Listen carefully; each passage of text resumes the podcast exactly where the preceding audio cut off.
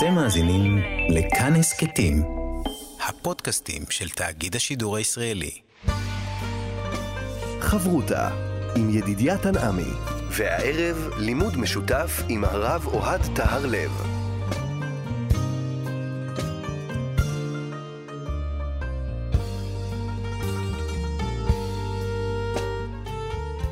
שלום, כאן מורשת חברותא לימוד משותף עם רבנים ואנשי חינוך בנושא הלכה, תנ"ך ואמונה. הערב אנחנו עם עולם האגדה, מארחים באולפן את הרב אוהד הרלב, ראש מדרשת אות לידנבאום וחבר בארגון רבני בית הלל. שלום לך, כבוד הרב. ערב טוב, ידידיה לך ולמאזינים. אנחנו נמצאים בפרשיות של יציאת מצרים, ושם המצווה המאוד מיוחדת שאנחנו מקבלים זה מצוות קידוש החודש. ואנחנו נזכרים ברש"י הראשון של התורה, שמדבר על כך שממש המצווה הזאת הייתה צריכה לפתוח את התורה. כלומר, יש מאוד משמעות לעניין הזה של קידוש החודש, של מצוות uh, הזמנים בעם. קביעת הזמנים באמת, uh, זה אולי היסוד הכי חשוב. Uh, במעגל החיים שלנו, בקביעת uh, המועדים, uh, ובאמת uh, לא לחינם היא המצווה הראשונה, ורש"י הציע שהיא תהיה בעצם כפתיחת התורה. רש"י שולל את זה, ורש"י אומר באמת שאולי נחזור לזה בהמשך, כי הקדוש ברוך הוא בעצם, הוא ברא את העולם, והוא החליט, החליט לתת לבניו אה, החליט למי לתת את אה, נחלתו, מה שנקרא. אה, וכבר רש"י בהתחלה מעמיד את חשיבותה של ארץ ישראל, ברצותו נתנה להם, ברצותו לקחה להם. רש"י כבר רומז שם לאיזשהו מתח שיופיע בהמשך, אחרי שבני ישראל חלילה וחס יוצאים לגלות, שזה באמת הסיפור שלנו. אה, אנחנו הולכים לעסוק היום באמת בסיפור שמופיע בסוף מסכת ברכות, בנושא של עיבור אה, שנים וקידוש החודש אה, בחוץ לארץ. סיפור על חנינה בן אחי רבי יהושע, שהוא בעצם היה תנא מהדור השלישי, מכונה לא על שם, בשם בן אביו, אלא בשם דודו. היה, בוא נגיד, צופה אה, פעיל בכל הסיפור של דודו רבי יהושע בסיפור יבנה, עם כל מה שקרה שם. לאחר מכן הוא גלה אה, לבבל, ותלמיד חכם עצום מאוד מאוד, אה, שהיה לו כוח גדול מאוד, הייתה לו כנראה קהילה גדולה, אה, כוחו בתורה היה ללא עוררין, וגם הסמכות שלו.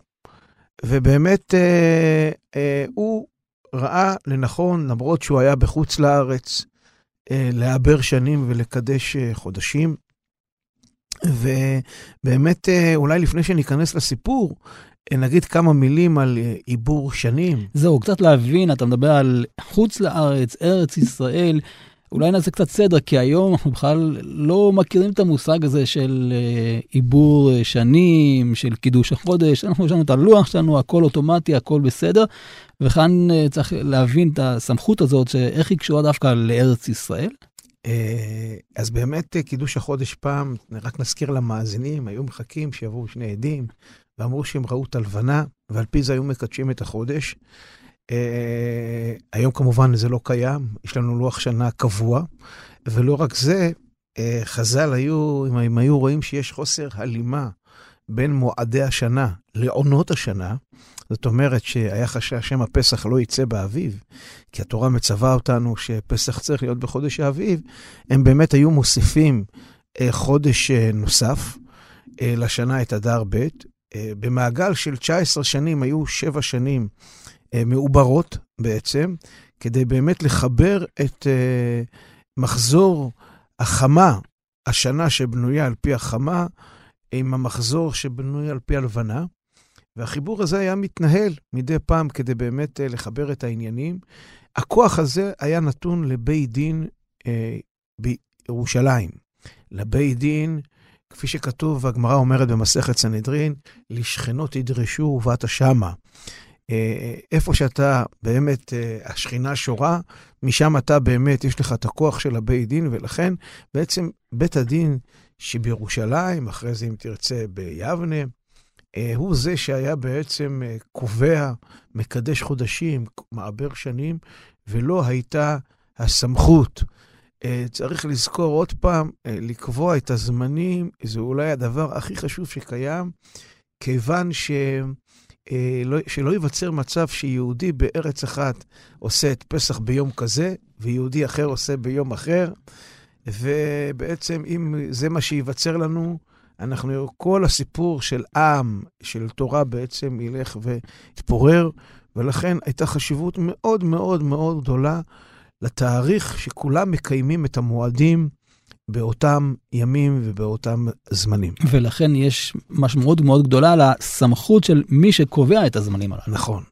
ולכן גם היה מתח מאוד גדול, אה, מי יכול אה, לקבוע, מאיפה, מי יש לו את הסמכות אה, לקבוע את התאריכים האלה, את הזמנים האלה, וסביב העניין הזה היו באמת מתחים שונים. בואו בוא ניכנס אולי להגדה שנמצאת במסכת ברכות, בדף ס"ג עמוד א' ועמוד ב'.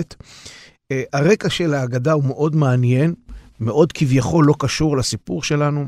הגמרא מביאה מימרא בשם רבי ישעיה, שכל המרפא עצמו מדברי תורה, אין בו כוח לעמוד ביום צרה.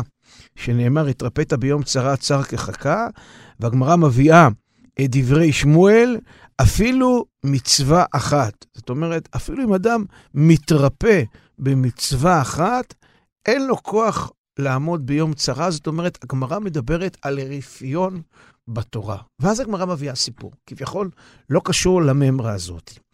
אמר רב ספרא רבי אבאו הווה משתי. רבי אבאו היה מספר, כשירד חנינא בן אחי, רבי יהושע, לגולה היה מעבר שנים וקובע חדשי, חודשים בחוצה לארץ. זאת אומרת, הוא היה, התנא הזה שחי בה, היה בתקופת הדור השלישי של התנאים, הקים בית דין, מעבר שנים וקובע חודשים.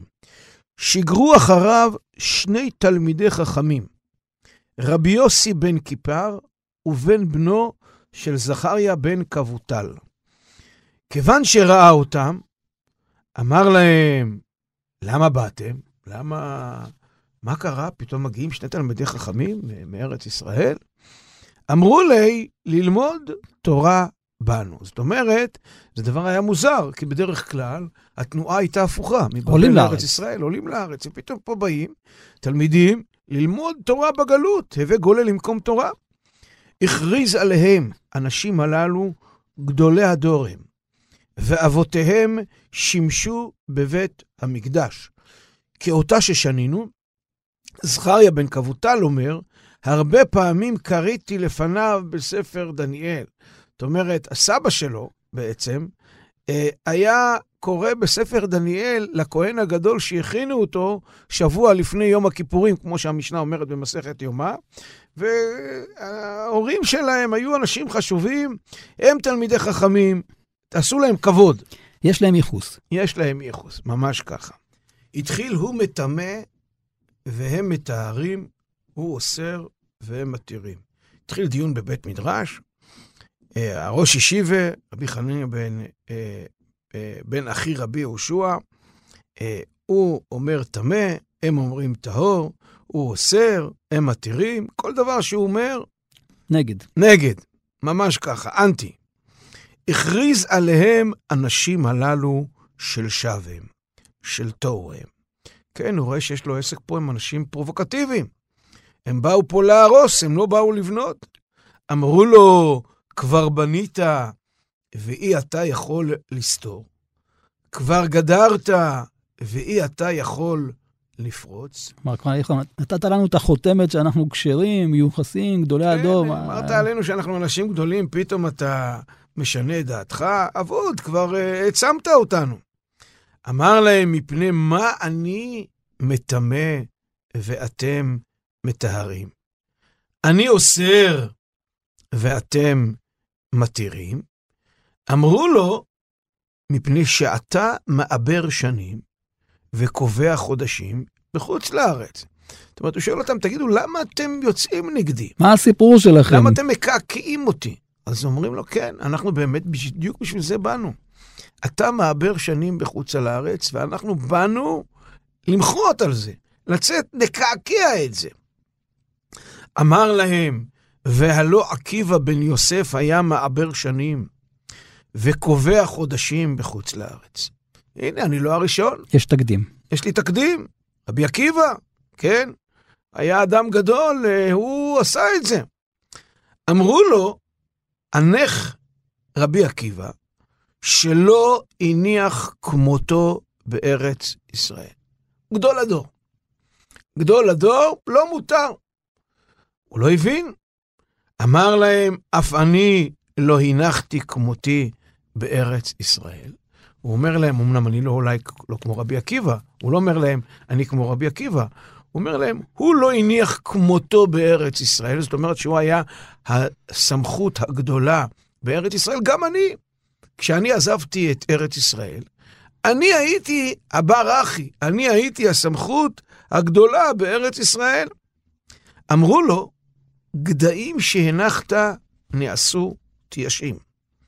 בעלי קרניים, והם שיגרונו אצלך. התלמידים שלך, שהיו קטנים, גדיים, הם גדלו. הם כבר יש להם קרניים, הם אלה ששלחו אותנו אליך, שתחדול מעיבור שנים. וכן אמרו לנו, לכו ואמרו לו בשמנו, אם שומע מוטב, ואם לאו, יהיה בנדוי. אמרו לנו, אם הוא מקבל טוב, אם הוא לא מקבל, אנחנו מוציאים אותו החוצה. יהיה בנידוי, שזה דבר מאוד מאוד חמור. ואמרו לאחינו שבגולה, תגידו לכל הקהילה, אם שומעין מוטב, ואם לאו, יעלו להר. אחיה יבנה מזבח. חנניה ינגן בכינור, שהוא היה לוי. ויכפרו כולם ויאמרו, אין להם חלק באלוהי ישראל. לכו תעלו להר, תבנו לכם איזה בית מקדש משלכם, כן, אה, אה, יהיה כהן, יהיה לוי, ויכפרו כולם, תעשו כפרת עוונות, ותגידו באופן ציני, אין להם חלק באלוהי ישראל. מיד גאו כל העם בבכייה, ואמרו חס ושלום, יש לנו חלק באלוהי ישראל. וכל כך למה? משום שנאמר כי מציון תצא תורה ודבר השם מירושלים. זאת אומרת, וכל כך למה? זה אמרו שני התלמידים שבאו מארץ ישראל. למה כל זה? למה אנחנו עושים את זה? כי כתוב, כי מציון תצא תורה ודבר השם מירושלים. אני חייב לומר שהגמרא אחרי זה שואלת שאלה מאוד uh, יפה ומאוד מעניינת, שקצת מהירה על כל הסיפור הזה. אומרת הגמרא, מילא הוא מטהר והם מטמאים לחומרה, כן? Uh, הוא מטמא והם מטהרים, איך הם עושים דבר כזה? הרי יש לנו ברייתא שאומרת שחכם שטימא, אין חברו רשאי לטהר. אם הוא אסר, אין חברו רשאי להתיר. אומרת הגמרא, למה הם עשו את זה? למה הם כביכול עברו על ההלכה? כי הכי דלא נגררו בתרי, שלא, הקהילה לא תלך אחריו. זאת אומרת, במובנים מסוימים הם באו והייתה להם מטרה מאוד ברורה, להפסיק את העיבור שנים שקורה פה בכל מחיר, במחיר הגרוע ביותר שקיים. אפילו בשינוי הלכה. אפילו באמת אה, בשינוי הלכה. נכון, ממש ככה. כלומר, אם אפשר להבין בהתחלה שהם אנחנו רק uh, יוצאים נגדו בשביל רק להתנגח ולא בשביל באמת uh, לקבוע את ההלכה, פה הגמרא באה ואומרת לא, הם היו רציניים, הם ממש ניסו לשנות את ההלכה כדי שהוא יחדול מהמעשים שלו. המטרה מקדשת את כל האמצעים, ממש ככה. המטרה היא כל כך חשובה, כל כך קריטית, שהיא באמת מקדשת את כל האמצעים. בסופו של דבר הוא חזר בו, כי הגמרא לא נותנת כאן את סוף הסיפור. בסופו של דבר הגמרא לא נותנת, אבל uh, כנראה שהוא התקפל, ויש לנו מקבילה לסיפור שנמצא בירושלמי, שגם לא כתוב שם בדיוק האם הוא חזר בו, אבל uh, בירושלמי במסכת נדרים בפרק ו' הלכה ח', יש שם את הסיפור בגרסה קצת אחרת, שרבי יהודה הנשיא, אה, שלח לו שלוש איגרות על ידי שני תלמידים אחרים, רבי יצחק ורבי נתן. אחת היה כתוב אה, לקדושת חנניה, זאת אומרת לקדושתו. השנייה, באיגרת השנייה כתוב, אשריך גדים שהנחת נעשות ישים. ובשלישית כתוב, אם אתה מקבל, עליך להמשיך בעצם אה, ככה אה, לקבוע חודשים ולעבר שנים, צא למדבר, תהיה שוחט, תזרוק דם. בקיצור, תקים לך מקדש חדש. בית, בית המקדש חדש. כן? אז הוא קרא את האיגרת הראשונה, כיבד אותם, את השנייה כיבד אותם, שלישית, רצה לבזותם, אמרו לו, אתה כבר לא יכול לבזות אותנו. ואז קם רבי יצחק וקרא, אלה מועדי חנניה בן אחי רבי יהושע. כן, אה, כל הקהל אמר, מה זה? כתוב אלה מועדי השם? הם אמרו לו, אצלנו בארץ ישראל, מועדי השם, אבל פה זה מועדי חנניה. כן, ואז רבי נתן בא ואמר, כי מבבל תצא תורה ודבר השם מן ההר פקות, שם הוא היה אה, חנניה. כולם אמרו, מה פתאום? כתוב כי מציון תצא תורה ודבר השם מירושלים, בארץ ישראל, אבל לא פה. רבי חנניה הלך להתלונן לפני רבי יהודה בן בתרא, שהיה בנציבין, שהיה באמת דמות מאוד מרכזית, והוא הכריע, אנחנו צריכים ללכת אחרי ארץ ישראל. לא רק שהוא הכריע, לקח את הסוס שלו, כל מקום בבבל. והודיע. הודיע שאנחנו אה, מונים לפי הקביעת חודשים והעיבור שנים של בבל. אתה רואה שאפילו רבי יהודה בן אה, בתרא קיבל את הסמכות של ארץ ישראל, מה היה אם רבי חנניה לא כתוב, אבל כנראה שהוא קיבל עליו את הדין, כי אנחנו לא יודעים שהוא נידע אותו, אבל גם כבר לא היה לו, זה, הוא היה לא רלוונטי, כי אם כל הקהל לא מקבל את העיבור שנים שלו, זה לא יעזור כלום. בית דין צריך שהקהל יקבל אותו. אז על הסיפור הזה הוא באמת סיפור אה, מרתק, מאוד אקטואלי, כמו שפתחנו ואמרנו לפרשת שבוע. יש לנו כמה וכמה שאלות. דבר ראשון, באמת, למה היה כל כך חשוב לעבר שנים בארץ ולא בחוץ לארץ? או למה כל כך הפריע לחכמי ארץ ישראל שחנניה מעבר שנים, הוא היה אדם מאוד גדול בתורה? מה פה העניין?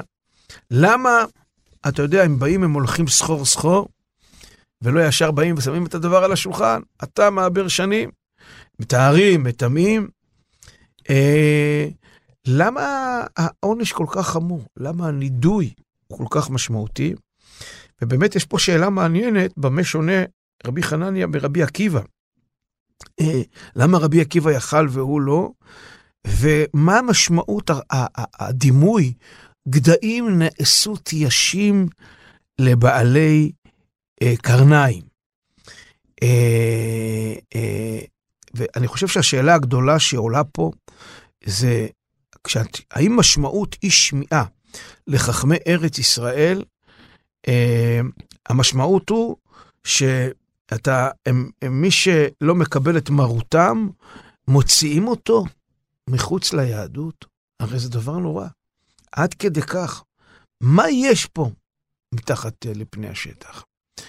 ובאמת אני חושב שיש גם פה משהו אקטואלי, כי המתח הזה בין ארץ ישראל לבבל, לגולה, הוא גם קיים היום. המתח בין הסמכות הדתית בארץ ישראל... הסמכות של הגיור למשל? למשל, הסמכות הדתית ביהדות התפוצות, למשל, הסוגיה סביב נושא הגיור, ועוד סוגיות נוספות. איפה פה המרכז? מי מקבל החלטות לגבי עם ישראל? באמת, גיור הוא דבר מאוד קיומי, מאוד בסיסי, שהוא קצת נושק לנושא של אה, קביעת הזמנים. חברותה עם ידידיה תנעמי. חברותה בכאן אה, מורשת, ואנחנו לומדים על עיבור השנים וקביעת החודשים בחוץ לארץ. הרב אה, אוהד תהרלב, שמדברים על היחס הזה שבין ארץ ישראל לבין בבל הגולה, טיפה אולי רקע היסטורי על התקופה הזאת של הבנייה של עולם ההלכה, עולם אה, היהדות בגולה מול ארץ ישראל. צריך לזכור שאחרי חורבן הבית, אה, אה, אה, יבנה, יבנה וחכמיה, מחזקים מאוד מאוד את המעמד שלהם. אה, באמת אה, יש הרבה גולים לבבל, אה, עולם התורה פורח בבבל, ובעצם מתחיל פה איזשהו מתח אה, בין אה, עולם התורה אה, בארץ ישראל לעולם התורה בבבל, אנחנו צריכים לזכור את ה... אה, הסמכות הטוטלית שחכמי ישראל ביבנה ניסו לתת לעצמם, ואנחנו מכירים את זה מסיפורים שגם בהם נגענו בעבר, אה, רבן גמליאל ורבי יהושע, שהוא מכריח אותו לבוא במקלו סביב הנושא של עיבור שנים. יום כיפור. ביום כיפור, שחל יום כיפור לפי שיטתו.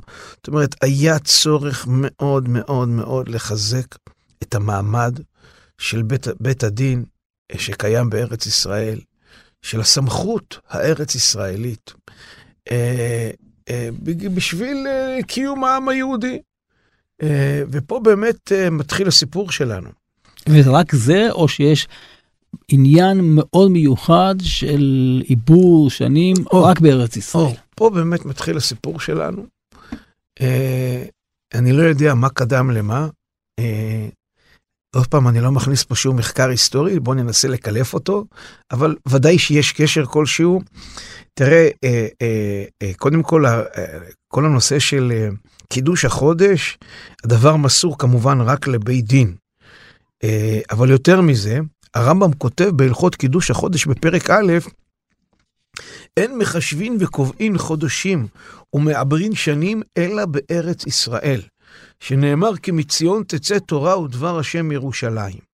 ואומר הרמב"ם דבר מדהים, ואם היה אדם גדול בחוכמה, ונסמך בארץ ישראל, זאת אומרת שהוא קיבל סמיכה בארץ ישראל ולא בבבל, ויצא לחוצה לארץ, ולא הניח בארץ ישראל כמותו, למשל כמו רבי עקיבא, הרי זה מחשב וקובע חודשים, ומעבר שנים בחוצה לארץ. ואם נודע לו שנעשה בארץ ישראל אדם גדול כמותו, ואין צריך לומר גדול ממנו, הרי זה אסור לקבוע ולעבר בחוץ לארץ, ואם עבר וקבע ועיבר לא עשה כלום. זאת אומרת... ממש סיכום של הסיפור שלנו. ממש ככה. זאת אומרת, הכוח שלך בא מארץ ישראל. אתה צריך להיות גדול. הגדול. אם יש כבר גדולים ממך בארץ ישראל, ארץ ישראל תמיד קודמת. אבל גם הגדול, הוא תמיד יונק את כוחו מארץ ישראל. הרמב"ם מפתח את זה בצורה מאוד מעניינת בספר המצוות שלו, כן?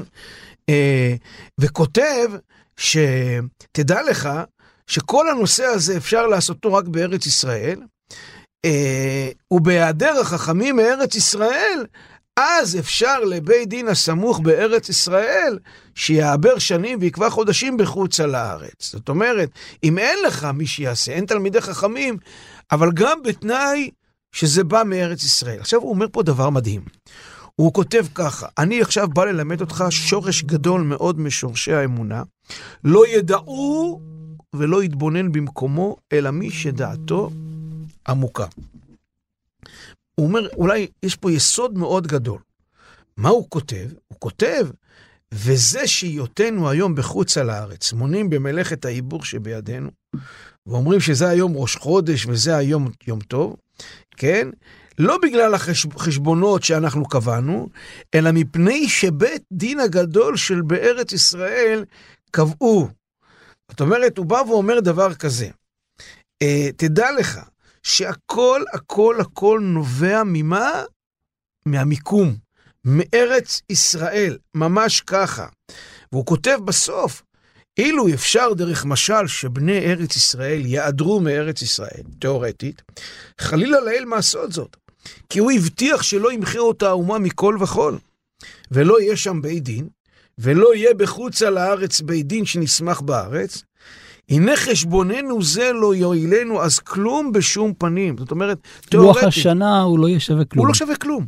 זאת אומרת, אם זה לא נובע, הסמכות של הבית דין לא באה מארץ ישראל, ואין בית דין, הוא לא שווה כלום, לפי שאין לנו רשות שנחשב בחוץ על הארץ ונעבר שנים ונקבע חודשים, אלא בתנאים הנזכרים כמו שביארנו, כי מציון תצא תורה ודבר השם ירושלים. הקביעה פה זה ארץ ישראל.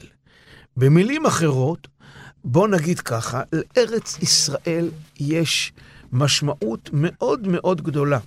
זאת אומרת, אם אני אבוא ואגיד, תשמע, יש גדלות בתורה, שהיא נמצאת בבבל, יותר גדולה, כמו רבי חנניה שאומר, אני הגדול. לא משנה, הכוח שלך צריך להיות תמיד מארץ ישראל. ומעניין שהרמב"ם בוחר להביא את הפסוק שמופיע במס... בסיפור שלנו, כי מציון תצא תורה ודבר השם ירושלים, ולא לשכנות ידרשו ובאת שמה, הפסוק שהגמרא במסכת סנהדרין מביא. ולא לחינם. הוא בא ובעצם אומר, בקונפליקט שיש, הרי היה פה קונפליקט, העוצמה של התורה, עולם התורה הגדול העצום בבבל. הנה, יש פה גדול בתורה, כן? מול התלמידים, הגדיים האלה, שהם אלה שמעברי שנים היום בארץ ישראל, ולכאורה היית אומר גדלות בתורה, עולם התורה יכריע? לא. כי מציון תצא תורה עוד דבר מירושלים. התורה שיוצאת מציון... כבוד ארץ ישראל. אפילו שהם יותר, הם, הם תלמידים שלך, הם גדיים, הם יותר חזקים מכל הגדלות בתורה וראשי הישיבות שנמצאים בעצם מחוץ לארץ, כי המקום, הדבר הזה עושה, והרמב"ם אומר, הוא כותב פה, שורש גדול מאוד משורשי האמונה, לא ידעו ולא יתבונן במקומו, אלא מי שדעתו עמוקה. יש ערך לארץ ישראל. הכל מתחיל ונגמר בארץ ישראל. ולמה?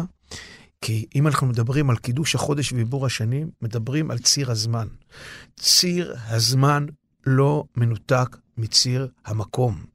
ציר הזמן, קדושת הזמנים, שבית דין קובע, כן, מועדי אלה מועדי השם, הוא תמיד חייב להיות למקום הקדוש, לא רק לארץ ישראל, לאזור של בית המקדש, למקום של בית דין, שבמובן מסוים הוא מחליף את אותם סנהדרין שהיו בעצם אה, בבית המקדש. ו, ובעצם אה, צריך להבין את העניין הזה, שאני חושב שמעבר לצד הרעיוני הזה, היה גם מאבק, כמובן, אני חושב, אה, סביב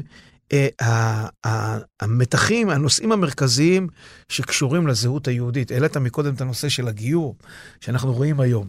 הרי גיור כולם רשאים. בכל אופן, הרבנות, שהיא רואה אה, את עצמה שיש לה סמכות, אה, הסמכות הבלעדית, שזו שאלה מעניינת, הלכתית.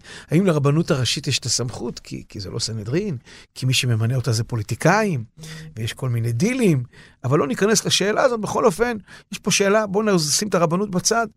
אה, מי קובע את היסודות הקיומיים של הזהות היהודית? אם זה גיור, ואם זה... לוח הזמנים. לוח הזמנים, ממש ככה. ואתה רואה שהכוח של אנשי ארץ ישראל הוא, הוא אדיר. הם באים, הם, הם מייצרים, אה, אה, אה, באים להילחם, באים שני תלמידי חכמים, עומדים בלי להתבייש, עושים פרובוקציה בבית מדרש, ובעצם אה, מכריחים, כופים, אותו ללכת בעצם אחרי אה, ארץ ישראל, עם כל הכבוד לך. אתה עכשיו תשנה את התפיסה שלך, תפסיק לקבוע אה, מועדים, ותפסיק לקבוע, לקדש את החודש ולעבר שנים. אני מנסה להבין את ההווה אמינא, את המחשבה הראשונית של חנניה. הרי הוא באמת תלמיד חכם, הוא משווה את עצמו לרבי עקיבא, אבל הוא יודע שיש תלמידי חכמים בארץ ישראל. למה הוא בעצם ביקש לבוא ולעבר את השנה בבבל ולא התייעץ עם חכמי ארץ ישראל? תראה, הוא ראה את המרכז היהודי הגדול בעולם, בבבל. Mm-hmm. ולכן הוא טען, אני חושב, שהמרכז היהודי הוא הקובע פה, הוא בעצם הדומיננטי פה. Uh, תראה, הסיפור עם רבי עקיבא הוא סיפור מאוד מעניין, כי uh, שהוא בא ואומר, uh, uh, רבי עקיבא כבר גם עיבר שנים, ואמרו לו, הוא לא הניח, איך, איך האגדה אומרת, איך היא אומרת ב, בלשון שלה. שלא היה כמותו. בלשון שלו, שלא הניח כמותו בארץ ישראל. והוא אומר, גם אני לא הנחתי. זאת אומרת, אני אה, גדול בתורה, ובעצם הוא רוצה לטעון, יצאתי משם, ובעצם לא אומרים לו, אתה לא גדול בתורה. הוא גם, כפי שאמרנו, המקור הסמכות שלו הוא תחילה בארץ ישראל. נכון, הוא התחיל בארץ ישראל, אבל עדיין יש בארץ ישראל אנשים אחרים. אה, אה, בעצם באים ואומרים לו, אה, עם כל הכבוד והערכה לך, רבי עקיבא אולי עשה את זה, ינק את כוחו מארץ ישראל, כנראה בתקופה שלו לא היה אדם גדול אה, כמוהו. היום אתה אדם גדול, לא חולקים על גדלותך, אבל יש עוד גדולים. התלמידים שלך. שאתה בעצמך גידלת, הם כבר נהיו אה, אה, גדולים. עכשיו, יש בזה משהו שהוא קצת מתריס, כי באים ואומרים לרב, התלמידים עלו עליך. למה התלמידים עלו עליך? לא בגלל שהם גדולים בתורה. בגלל שהם מחר. בארץ ישראל. בגלל שהם בארץ ישראל.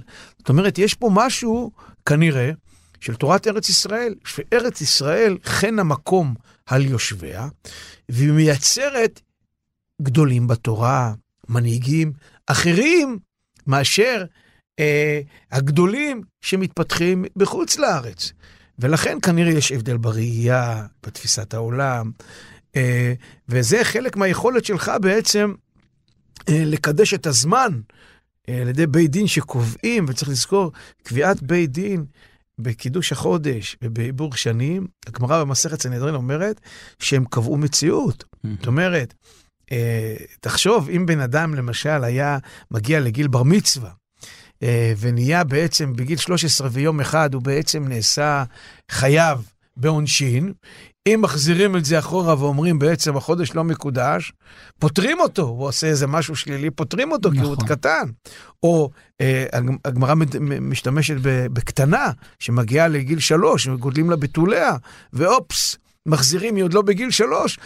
ממש כאילו בתוליה חוזרים, זאת אומרת, המציאות היא ממש ממש משתנה, ויש פה אמירה למי יש כוח לשנות את המציאות, וכנראה שיש משהו במקום של ארץ ישראל שעושה את זה.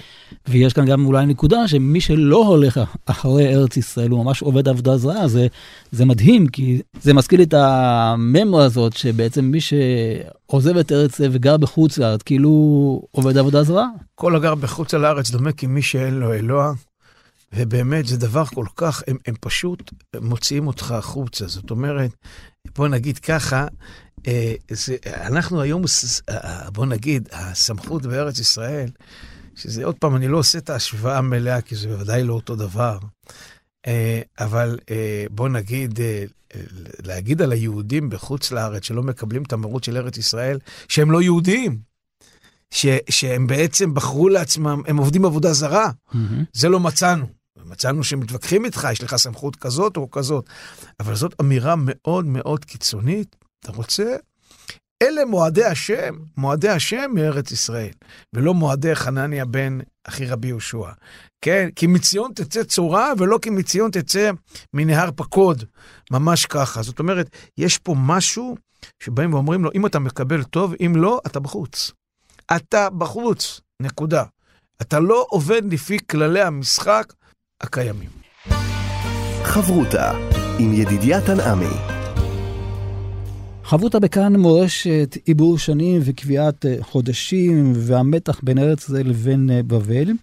במתח הזה, הרב אוהד תהרלב, אנחנו רואים גם מתח בשאלה מי זה גדול בתורה. הבאנו כאן את התקדים של אה, רבי עקיבא, וחנן בעצם בא וטוען, אני גדול בתורה. ואולי זו שאלה שקשורה גם לימינו. מי קובע מי זה גדול בתורה? אה, כולם לומדים תורה. אה, כולם גדולים בתורה, אנחנו רואים באמת שאנשים לומדים תורה הם תלמידי חכמים. מי אנחנו שנגיד על מישהו Mhm. שהוא לא כזה? אבל באמת, זאת באמת השאלה הגדולה. אתה יודע, אבני נזר מתבט... אה, מתלבט פה בשאלה בדילמה מאוד מעניינת. אבני נזר בשו"ת שלו, בחלק אורח חיים, בסימן שי"ד, בשאלה, מה הקונפליקט פה? זאת אומרת, הרי הסיפור שלנו מעורר את הנושא של גדול. שרבי חנניה אומר, בן אחי רבי יהושע, אה, הנה רבי עקיבא, אה, עיבר שנים בנהרדה בחוץ לארץ. ו, ובעצם אומרים לו אה, התלמידים שרבי עקיבא לא הניח כמותו בארץ ישראל. הוא אומר להם, גם אני לא הנחתי כמותי בארץ ישראל. בעצם זה כמו שראינו גם ברמב"ם אה, מקודם, שהרמב"ם כותב שאם אדם גדול קיבל את הסמכות שלו בארץ ישראל, את ההסמכה שלו, את התוקף שלו, יש לו הרשאה. יש לו. הרשאה לעבר, אבל הוא גדול. עכשיו, אין פה מחלוקת שרבי חנניה הוא לא גדול. הוא גדול. אבל יש פה התלבטות מאוד עמוקה. בעצם מה- אתה בא ואומר שיש הבחנה בין אדם גדול לבין הסמכות שלו לבוא ולקבל החלטות כלפי עם ישראל? אני אומר כן, אני אומר שבעצם אה, השאלה שעומדת פה, אם, בוא נשאל ככה, מה מיוחד בארץ ישראל? ומה מיוחד בגדול. Uh, המיוחד בארץ ישראל, שהיא עושה את כל ישראל ערבים זה לזה. הכוח שלה שהיא מאחד. בוא נגיד ככה, uh, יש קהילה. המושג קהל, מאוחד, ערבים זה לזה, זה ארץ ישראל. ארץ ישראל, הכוח שלה זה באחדות, שהיא מחברת את כולם. ופה יש שאלה, אדם גדול, הוא גם, מה זה מנהיג גדול? משה רבנו, שהוא חיבר בעצם את כולם ביחד. זאת אומרת, היה לו יכולת, הוא היה נציג הקהל. ופה בעצם הקונפליקט הזה בין גדול לבין ארץ ישראל, בא ואומרת, אה, אוקיי, איפה, מי פה מייצג את הקהל יותר חזק? האם הארץ, מי שנמצא בארץ, עם כל מה שקורה פה, עם, אפילו העולם המודרני, חיי מדינה, עם אחד, בחירה דמוקרטית, איזשהו חיבור, איזשהם כללי משחק אחרים, ולכן הנציגות פה, ארץ ישראל, היא הביטוי לקהל, או לפעמים יש כוח לגדול, למנהיג הדור, כן, שסוחף אחריו בעצם את כולם. מאיפה בעצם נובע בעצם הכוח? אז בארץ ישראל זה גם זה וגם זה. ארץ ישראל, קורה, בדרך כלל זה גם זה, אבל לפעמים קורה שאין גדול, כמו שהסיפור שהיה פה. עקיבא, רבי עקיבא יצא, לא הניח גדול כמותו בארץ ישראל. רבי חנני אומר, גם אני לא הנחתי גדול, אני הגדול פה. אני היום מייצג את הקהילה, מייצג את הקבוצה, אני מייצג את הציבור. אומרים לו התלמידים... אתה לא מעודכן. אתה לא מעודכן. הגדיים נעשו תיישים. יש גדולים אחרים. הם יצאו ממך, אתה גידלת אותם. ולא רק זה, הם הצמיחו קרניים. הצמחת קרניים... זה לנגח. זה אמירה, הם יודעים להילחם, הם יודעים לעמוד על שלהם. אנחנו באנו למלחמה. והמלחמה אומרת שבסופו של דבר, כי מציון תצא תורה, אומרת שהתורה שקשורה לקהילה, לעם ישראל, לציבור, נובע מהארץ, מהמקום, כן, ממש ככה. אז אם יש גדול בתורה בארץ ישראל, בוודאי שיונק את הכוח. אם אין, יש לך כוח, אבל זה נגמר. היה לך, אולי, אבל זה ממש נגמר. יש מי שאומר, ראיתי, שההשוואה בין רבי עקיבא היא לא נכונה, כי רבי עקיבא, בעצם זה מה שהוא טוען, או שזה מה שהם טוענים, שרבי עקיבא עשה את זה חד פעמי. Mm. הוא מתמיד, ממשיך, כן? זאת אומרת, היית עושה פעם אחת, עת לעשות להשם מפורט תורתך, אנחנו יכולים להבין, יש תקופה כזאת, אבל אתה מתמיד, אתה מקים לך פה, אה, אה, בוא נגיד, אה, מקים לך פה מדינה, מקים לך פה, בוא תמשיך הלאה, תקים גם בית המקדש, תקים, תתחיל לעבוד, אה, להקריב קורבנות, אם אתה מחפש תחליף כאילו לבית המקדש. בבקשה. וזה הליכה צעד אחד רחוק מדי, שבעצם הם לא מוכנים בעצם לקבל. עכשיו תראה, זה מאוד יפה, כי, כי אני חושב ששני התלמידים באים קודם כל לבית מדרש, ומתחילים לעשות איתו דיון בתורה. דו-שיח בתורה. הקרניים. קרניים, מתנגשים איתו, כן? זאת אומרת, הם, הם בהתנגחות איתו סביב מה מותר ומה אסור, הם בעצם מבטאים רעיון מאוד עמוק. הם בעצם מבטאים שבעצם התורה האמיתית, הנה, אנחנו עומדים מולך, מול, מול הגדול בתורה. כי אנחנו יונקים את הכוח שלנו מארץ ישראל. אנחנו לא סתם פרובו... אנחנו פרובוקטיביים, אבל הפרובוקטיביות הזאת, יש לה אמירה מסוימת. ויש לה גם כוח, כפי שראינו בסוף, אפילו לשנות את ההלכה. ממש ככה. זאת אומרת, בשביל המטרה הגדולה, אנחנו מוכנים אפילו להתיר דברים שאתה אוסר. אפילו לטמא דברים שאתה מטהר. זאת אומרת, אנחנו מוזזים את הכל הצידה, רק אנחנו חדורי מטרה. המרכז, הסמכות, המרות, תמיד תנבע מארץ ישראל. דרך אגב, הגדיים נעשו את ישים, יכול להיות שהם לא גדולים כמוך, כן? יכול להיות שהם לא ענקיים כמוך, אבל עדיין... כוחה של ארץ כוחה ישראל. כוחה של ארץ ישראל. מעניין מאוד שבסיפור השני שמופיע בירושלמי... זהו, שם מי שמוביל זה הנשיא. זה הנשיא, זה רבי יהודה הנשיא. אה, בסיפור שלנו לא כתוב מי, מי שלחו אותם, לא כתוב mm-hmm. מי עשה את זה. אבל לא סתם, זאת אומרת, שם שולח רבי יהודה הנשיא ואומר לו, ידידי היקר, אנחנו מכבדים את גדלותך, אבל יש פה מערכת אה, חוקים אחרת וסמכות אחרת, ובעצם אה, מייצרת מצב שמחזירה לעצמה את הכוח שקיים בעצם בארץ ישראל. אני חושב שיש פה עוד דבר מאוד מעניין, של אה, אה, משהו קצת, נגיד אולי משהו קצת חסידי בסיפור, שמאוד מתחבר לי.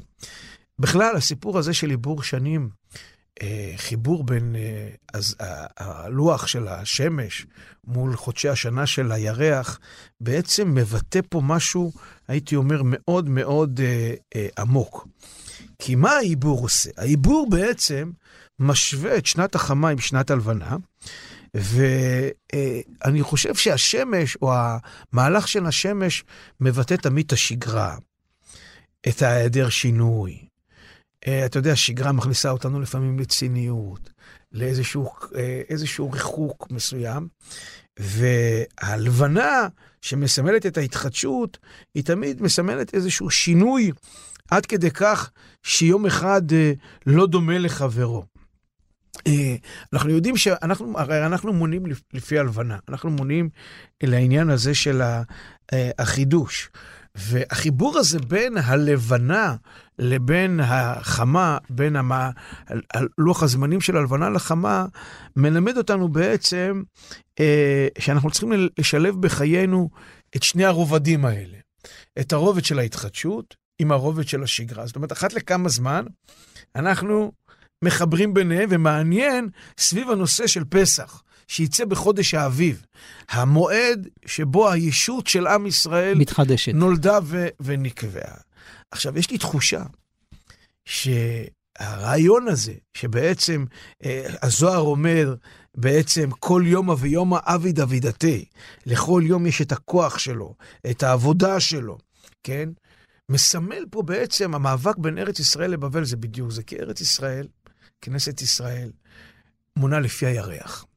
בבל, ארץ העמים, לפי השמש. המאבק פה בין ארץ ישראל לבבל הוא אולי המאבק, המתח, בוא נקרא לזה מתח, לא מאבק, בין השגרה האפורה של בבל, שאפילו לומדים שם תורה, אבל היא מסומלת כהחמה, לבין הלבנה, ההתחדשות שקיימת בארץ ישראל. והמתח הזה בעצם הוא כאילו המתח בין הלבנה לבין החמה, בין ארץ ישראל לבין בבל, ושבאים שני התלמידי חכמים ואומרים לו, לרבי חנניה, אה, אה, ידידי היקר, גדיים נעשו תיישים, בעלי קרניים. תדע לך שהכוח של ארץ ישראל נובע כי היא משולל הלבנה. כוח ההתחדשות, כוח השינוי. אותם צעירים שהופכים להיות אותם גדיים. צעירים, וואו. הצעירים, הרעננים, אלה האנשים המתחדשים, שחייבים כל הזמן ריגושים, לא הזקנים, שיש להם את הסדר יום שלהם, שטיפה אתה מזיז אותם, הם מתבלבלים, כן? הקביעות הזאת, הבורגנות הזאת, הבורגנות הדתית אפילו, הייתי אומר, והם אומרים בעצם, החלק החדשני הוא בעצם קיים פה בארץ ישראל, ולא לחינם. כנראה עיבור שנים, שינוי הזמנים קשור לארץ ישראל. כי בארץ ישראל יש את הבחינה, אתה יודע, בטרמינולוגיה החסידית קוראים לזה התורה שבעל פה מול התורה שבכתב. השמש מסמלת את התורה שבכתב, וה... אה, אה, הירח את התורה שבעל פה. אם תרצה, אה, אולי זה כמו הסיפור של יהושע ומשה. זאת אומרת, שבא רבי חנינא בן אחי רבי יהושע, ואומר, אני גדול, אני זה, אז אומרים לו בעצם, כן, אתה אבל שמש. אתה כמו משה רבנו, משה רבנו היה גדול. ידידי היקר, יהושע מכניס אותנו לארץ ישראל, יהושע הוא המנהיג של ארץ ישראל. הוא קטן ממך אמנם, הוא לא גדול ממך.